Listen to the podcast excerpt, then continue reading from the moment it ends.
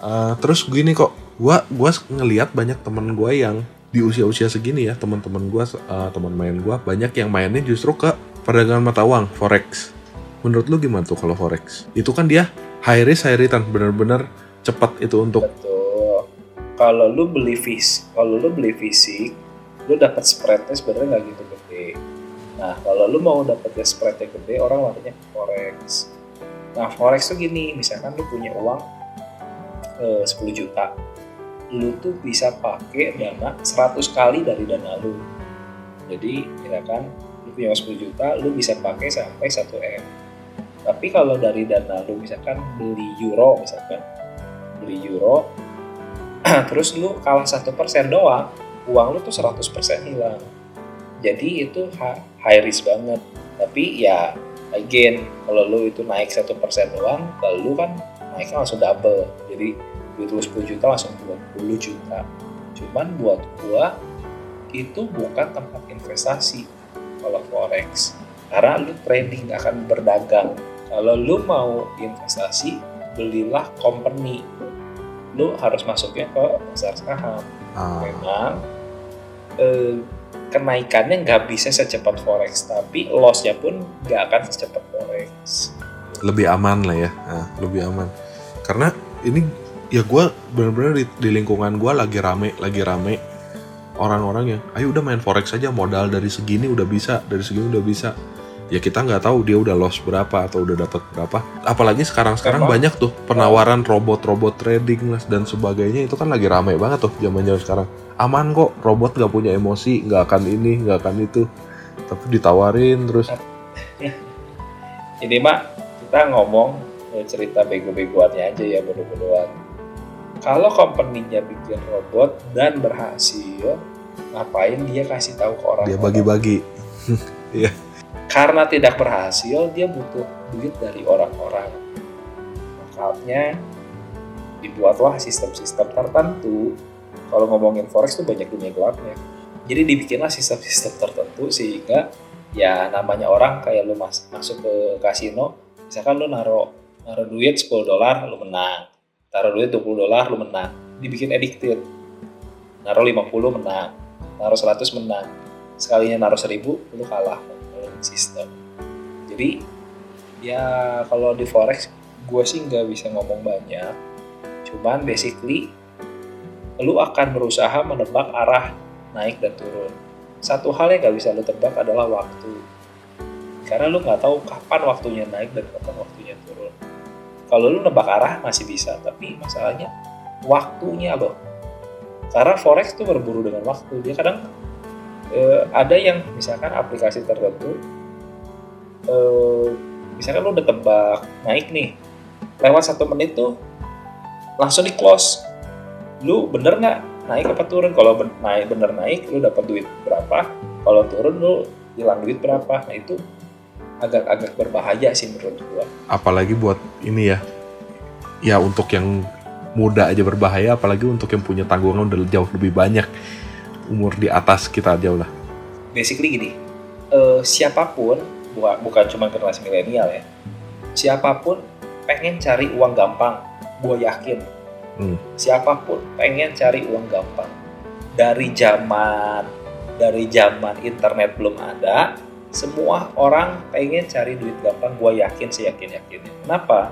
Karena dari zaman dulu yang namanya money game, skema ponzi itu tuh udah ada dan sampai hari ini selalu berjalan tapi dengan nama yang berbeda dengan bentukan yang beda-beda tipis tapi basically semuanya adalah memperlihatkan bahwa gini misalkan dulu ada yang namanya MMM dia lu taruh duit doang nih lu taruh duit deh di aplikasi 10 juta bulan depan lu dikasih 30% siapa yang gak tergoda ah iya iya, iya. lu taruh uang 25 juta bulan depan dapat 30 persen naruh uang 25 juta bulan depan dapat 30 persen berapa tuh dapat 7 juta, 7 juta setengah. setengah nggak kerja nggak ngapa-ngapain dapat 30 persen sebulan gak usah kerja udah hidup pertama bener bulan pertama oke okay. bulan kedua oke okay. bulan ketiga oke okay. bulan keempat oke okay. bulan kelima oke okay. makin banyak kan dana yang masuk bulan keenam dananya lu langsung dicabut dibawa kabur sama dia lu mau ngapain bangong doang ah, iya, iya, iya. jadi yang namanya investasi lu harus tahu tuh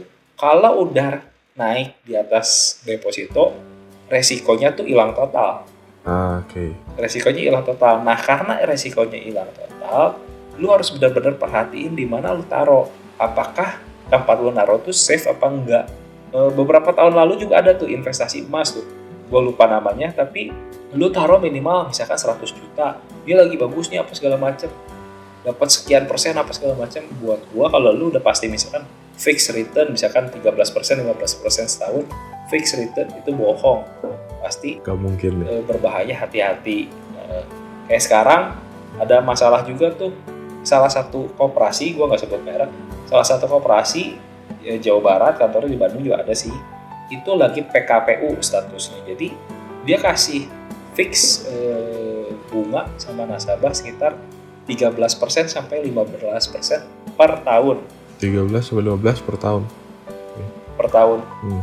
kan apa namanya dia menjamin bahwa eh, dia akan membalikan uangnya kepada eh, nasabah karena dia udah berdiri 10 tahun ke 20 tahun ya sekarang gini bego-begoan aja sama gua gini Jo gue pinjam uang lu deh 100 juta tiap eh, tahun gue bayar 10% lu mau nggak? Ya mau pasti mau. Karena lu ditawarin lebih gede daripada deposito pertama. Nah pertanyaan gue sekarang gini. Gue bayar ke lu pakai uang lu sendiri sebenarnya. Iya. kalau sebelum tahun ke 7 gue udah cabut lu rugi. Tapi kalau sesudah tahun ke 7 lu masih dapetin 10% 10% 10% 10% let's say ang- anggaplah 10 tahun deh biar gampang kan 10 tahun 10% kalau sesudah tahun ke 11 lu baru untung loh. Iya, bener. karena mo- karena modal lu semua di gua. Gua bayar lu dengan uang lu sendiri. Kadang tuh orang tuh terlalu dijanjiin yang manis-manis padahal mereka nggak tahu. Mereka dibayarkan tuh cuman mindah-mindahin uang doang.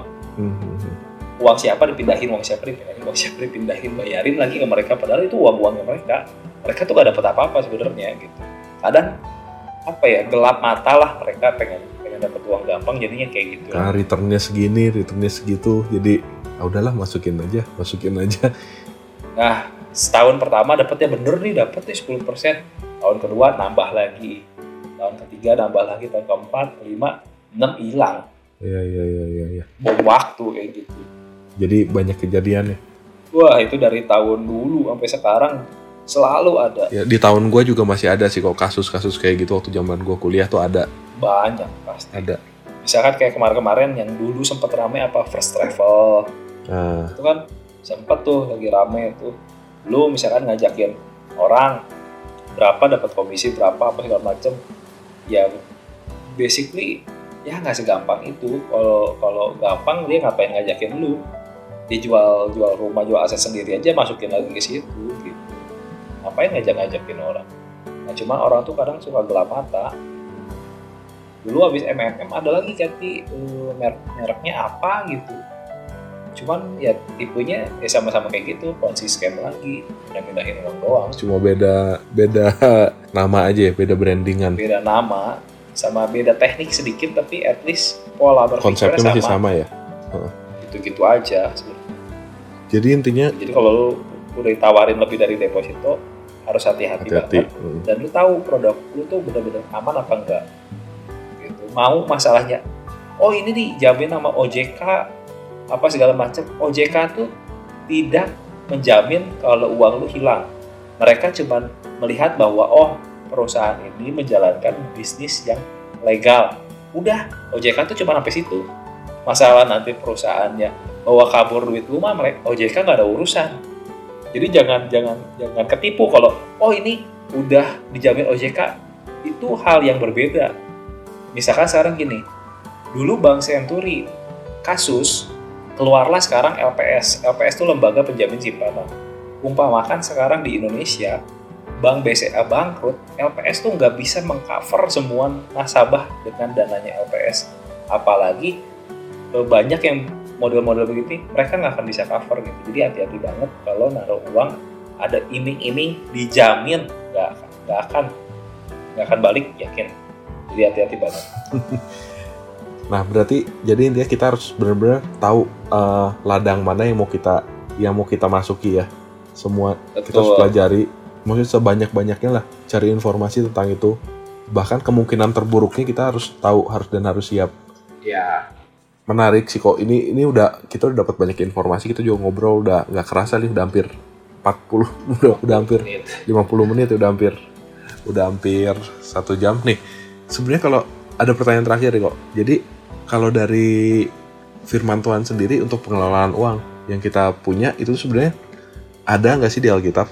Maksudnya Tuhan nyaraninnya kayak begitu ya ada dong. Kalau itu lu bisa sharing?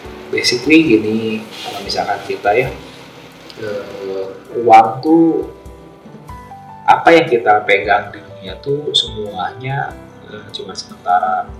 Ya, waktu kita hidup barang-barang yang kita pakai semua ciptaannya Tuhan kita ciptaannya Tuhan. Jadi sebenarnya semuanya punyanya Tuhan. Yang kita pegang hari ini kita tuh cuma sebagai pengelola Tuhan kasih uang 1 M kita cuma pengelola uangnya Tuhan. 1 M. Jadi kita cuma mengelola bukan miliknya kita gitu. Jadi kalau misalkan lu baca di firmannya Tuhan ada ayat yang di 1 Timotius 6 ayat 10 akar segala kejahatan adalah ciptakan uang. Nah ini adalah hal yang sangat-sangat eh, Tuhan ingatkan kepada kita supaya kita jangan cinta sama uangnya tapi cintailah Tuhannya gitu. Karena uang mah semua datangnya dari Tuhan promosi semua datangnya dari Tuhan. Kalau kita belajar di Alkitab ya yang ngomongin tentang eh, investasi. Gue lupa detailnya berapa kali Tuhan ngomong tapi itu lebih banyak dari ngomongin tentang doa. Karena Tuhan tahu di Alkitab Tuhan tahu bahwa problem orang di dunia semuanya berhubungan dengan ekonomi. Anak-anak Tuhan semua berhubungannya dengan ekonomi. Mhm. oleh karena itu Tuhan banyak banget ngasih ayat yang berhubungan sebenarnya dengan ekonomi. Gitu. Karena itu adalah hal yang ber, ber- apa ya berhubungan langsung dengan orang-orang. Nanti eh, mungkin kalau next nggak podcast kemakan waktu lah. Ya kalau next pos- podcast mungkin gua gua eh, sertain datanya. Nah ayat selanjutnya ada di Matius 6 ayat 19 sampai 21 nah ini juga Tuhan ingetin bahwa janganlah kamu mengumpulkan harta di bumi. Di bumi ngangat dan karat merusaknya dan mencuri membongkar serta eh, mencurinya nah di sini juga Tuhan ngingetin bahwa apa sih yang lu cari di bumi semuanya tuh sia-sia semuanya tuh bisa hilang dalam sekejap karena eh, yang lu harusnya cari adalah hubungan lu sama Tuhan. Apa yang Tuhan mau dalam kehidupan lu selama lu ada di dunia itu yang jauh lebih penting sebenarnya dibandingkan cuma nyari nyari eh, duitnya cuma nyari gitunya. Itu bukan esensi dari hidup yang Tuhan kasih. Duit itu hanya pelengkap yang Tuhan kasih yang bisa lu pakai buat memenuhi eh, kebutuhan buat men- mencapai value mencapai tujuan yang Tuhan mau gitu. Itu terus hmm, buat anak muda sekarang ini ayat yang penting juga yang teman-teman harus tahu di Amsal 21 ayat 5 karena basically gini anak zaman sekarang mereka pengennya serba instan pengen serba mudah dan itu tuh nggak bisa gitu.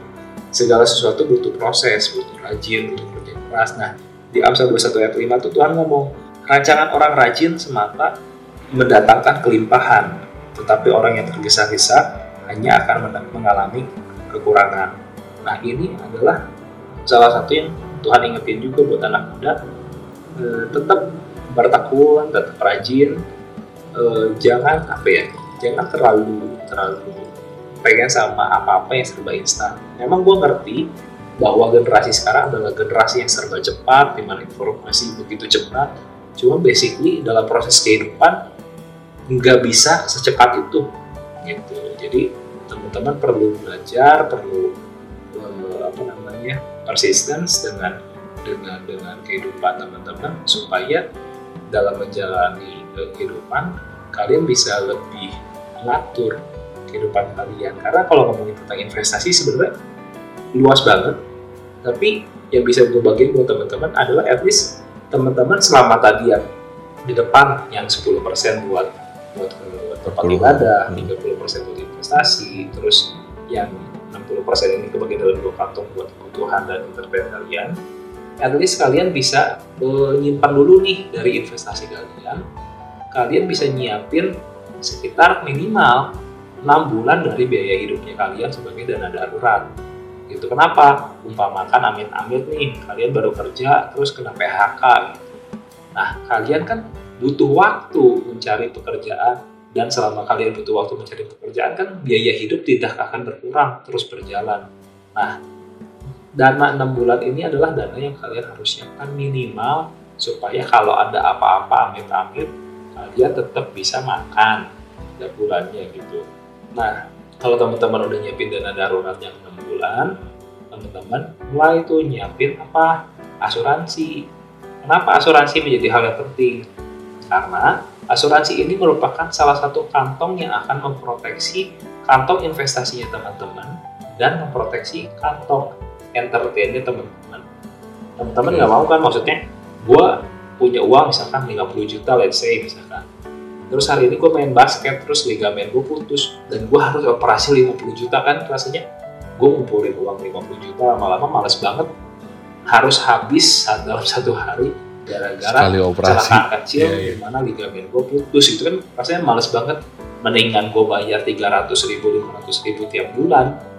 Tapi gue memindahkan resiko kepada eh, pihak ketiga gitu dibandingkan eh, apa namanya gue menanggung semua resiko gue investasi gue hilang eh, kantong cash gue gue hilang karena gue nggak punya kantong proteksi asuransi itu jadi sekali lagi teman-teman sudah kalian belajar investasi 30% at least kalian bisa nyisihin minimal 6 kali kantong belanja kalian bulanan. Mulai itu kalian mulailah cari asuransi kesehatan buat kalian kalau misalkan ada sakit.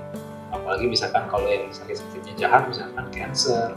Itu duit 200-300 juta itu kecil banget buat sakit ginian. Ya, ya. sedangkan kita cari duit 200-300 juta itu bukan hal yang gampang. Apalagi kalau misalkan sakitnya nih yang udah aneh-aneh nih.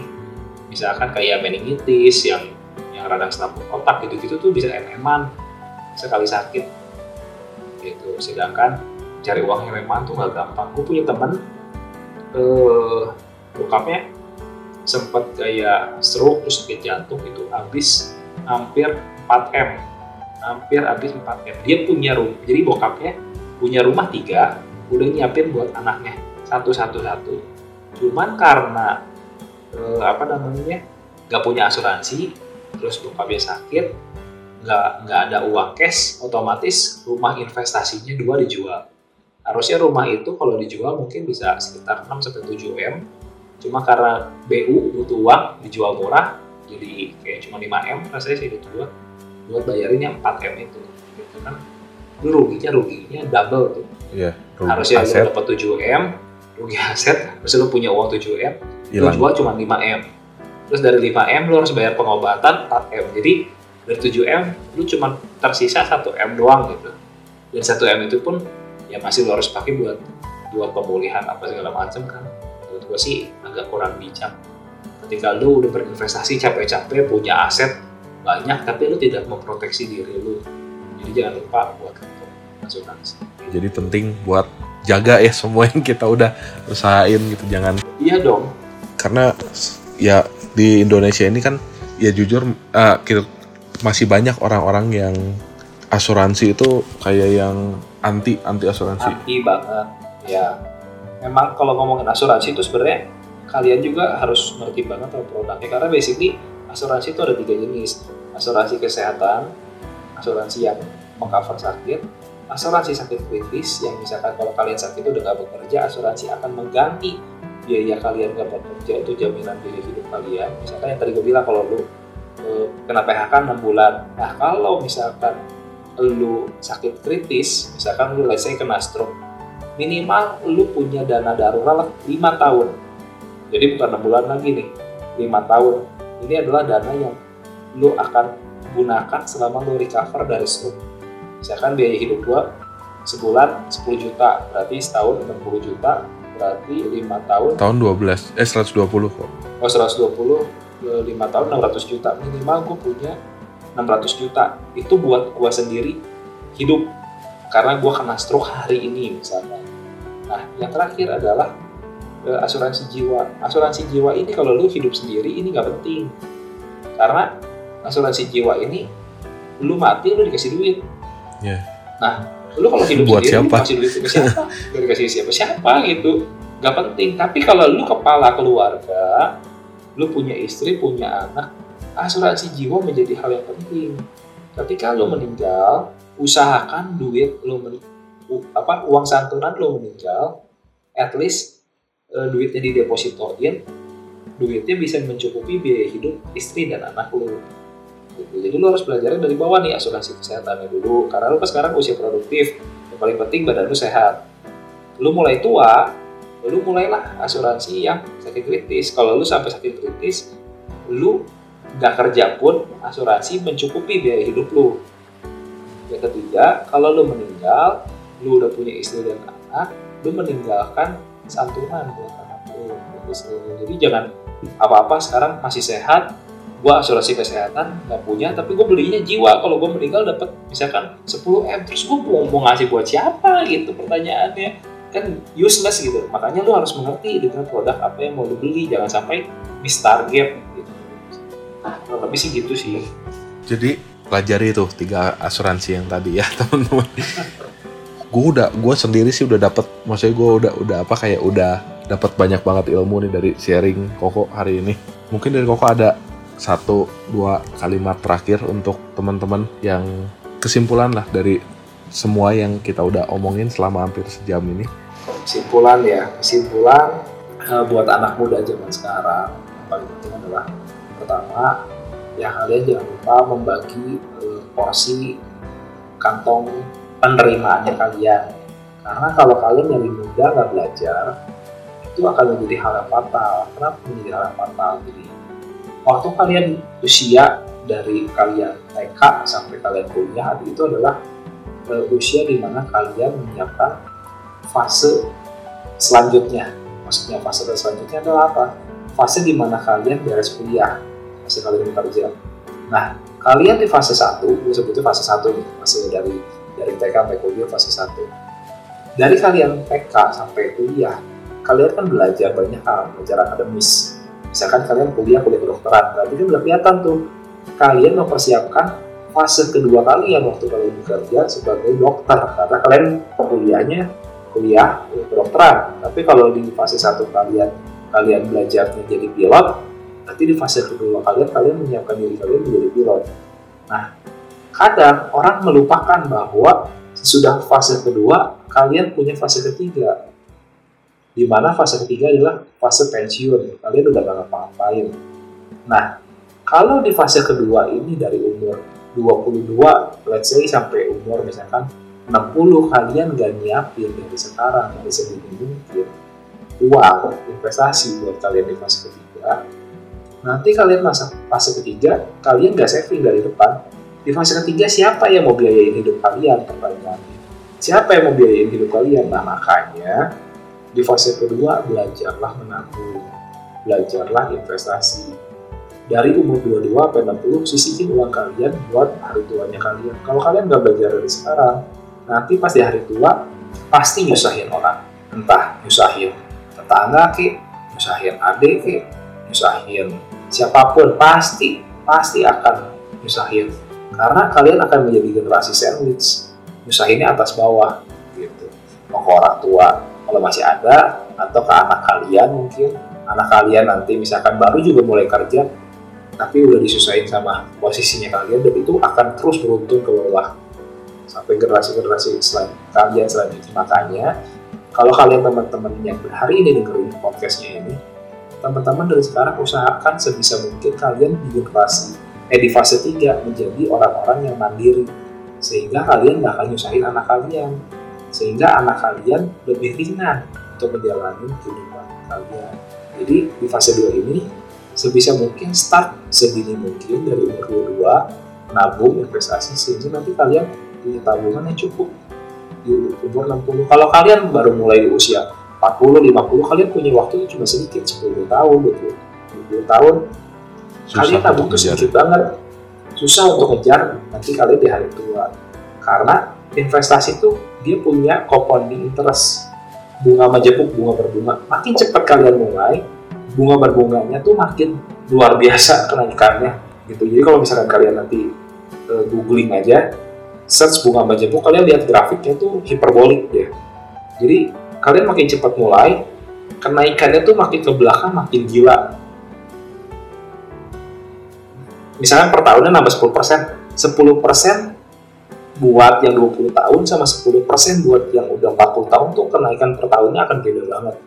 Meskipun awalnya sama-sama misalkan nabung sama-sama 1 juta gitu. Misalkan yang sama-sama nabung 1 juta, misalkan gua tiap bulan nabung 1 juta, eh, jangan per bulan deh, per tahun misalkan tahun ke satu gua sejuta, di tahun ke-20 let's say misalkan eh, 350, tapi yang di tahun yang udah ke-40 itu bisa jadi berapa miliar Padahal gue sama-sama nabungnya cuma satu juta gitu. Berburunya apa? Berburunya dengan waktu. Makin lama lu mulai, ya compounding interest lu akan makin sedikit. Jadi pesan gue sih sebagai menutup, mulailah eh, bagi pos kantong kalian secepat mungkin, mulai mendata kebutuhan kalian ya, bukan keinginan. Mulailah data kebutuhan kalian dan kalian timbang hal-hal apa yang bisa kalian kurangin sehingga kalian bisa alokasiin budget ke kantong investasi itu. Nah, ketiga, ketika kalian mau beli sesuatu pikirin apakah itu kebutuhan, apakah keinginan. Kalau kebutuhan kalian boleh beli, kalau keinginan gak butuh-butuh amat, jangan dibeli. Gitu. Keempat, mulailah investasi bukan menabung. Kalau investasi membiarkan uang kalian bisa berbunga lagi sendiri, tapi kalau menabung ya segitu-segitu aja, nggak akan berkembang akan ngalahin inflasi gitu lebih itu aja sih buat teman-teman selamat mencoba semoga bisa membantu teman-teman semua Oke, thank you. Mantap banget kok Yudi. Ini sharingnya benar-benar berguna, terutama untuk kita kita yang di range umur segini. Thank you banget informasinya untuk ya teman-teman yang udah dengerin sampai satu jam ini juga udah pasti pasti banyak yang dapat lah il- uh, ilmu-ilmu tambahan yang dari Ko Yudi. Buat teman-teman yang mau nanya, mungkin boleh kontak ke Koko lewat Instagram mungkin. boleh Eh, Instagram aku ada di @yudi p e r m a d i w i b o w o Yudi Permadi Wibowo Oke. nanti langsung DM aja ke sana nggak Jadi apa-apa buat kalau yang mau nanya-nanya nih, terutama soal investasi, bisa langsung ya ke Instagramnya Ko Yudi, DM aja at Yudi Boleh. Permadi Wibowo. Oke, sekian. ya kalau mau WA juga boleh 0812 2172 9611 soalnya Instagram aku eh, di private Oh, aku nggak masuk oke, jadi bisa coba WhatsApp aja Jadi available juga ya buat di WA ya Ko Yudi ya. boleh silakan nggak apa-apa Oke, sip deh. Thank you Ko Yudi. siap Sekian podcast Wave hari ini. Kita ketemu lagi ya di podcast Wave selanjutnya. Bye-bye. siap bye bye thank you God bless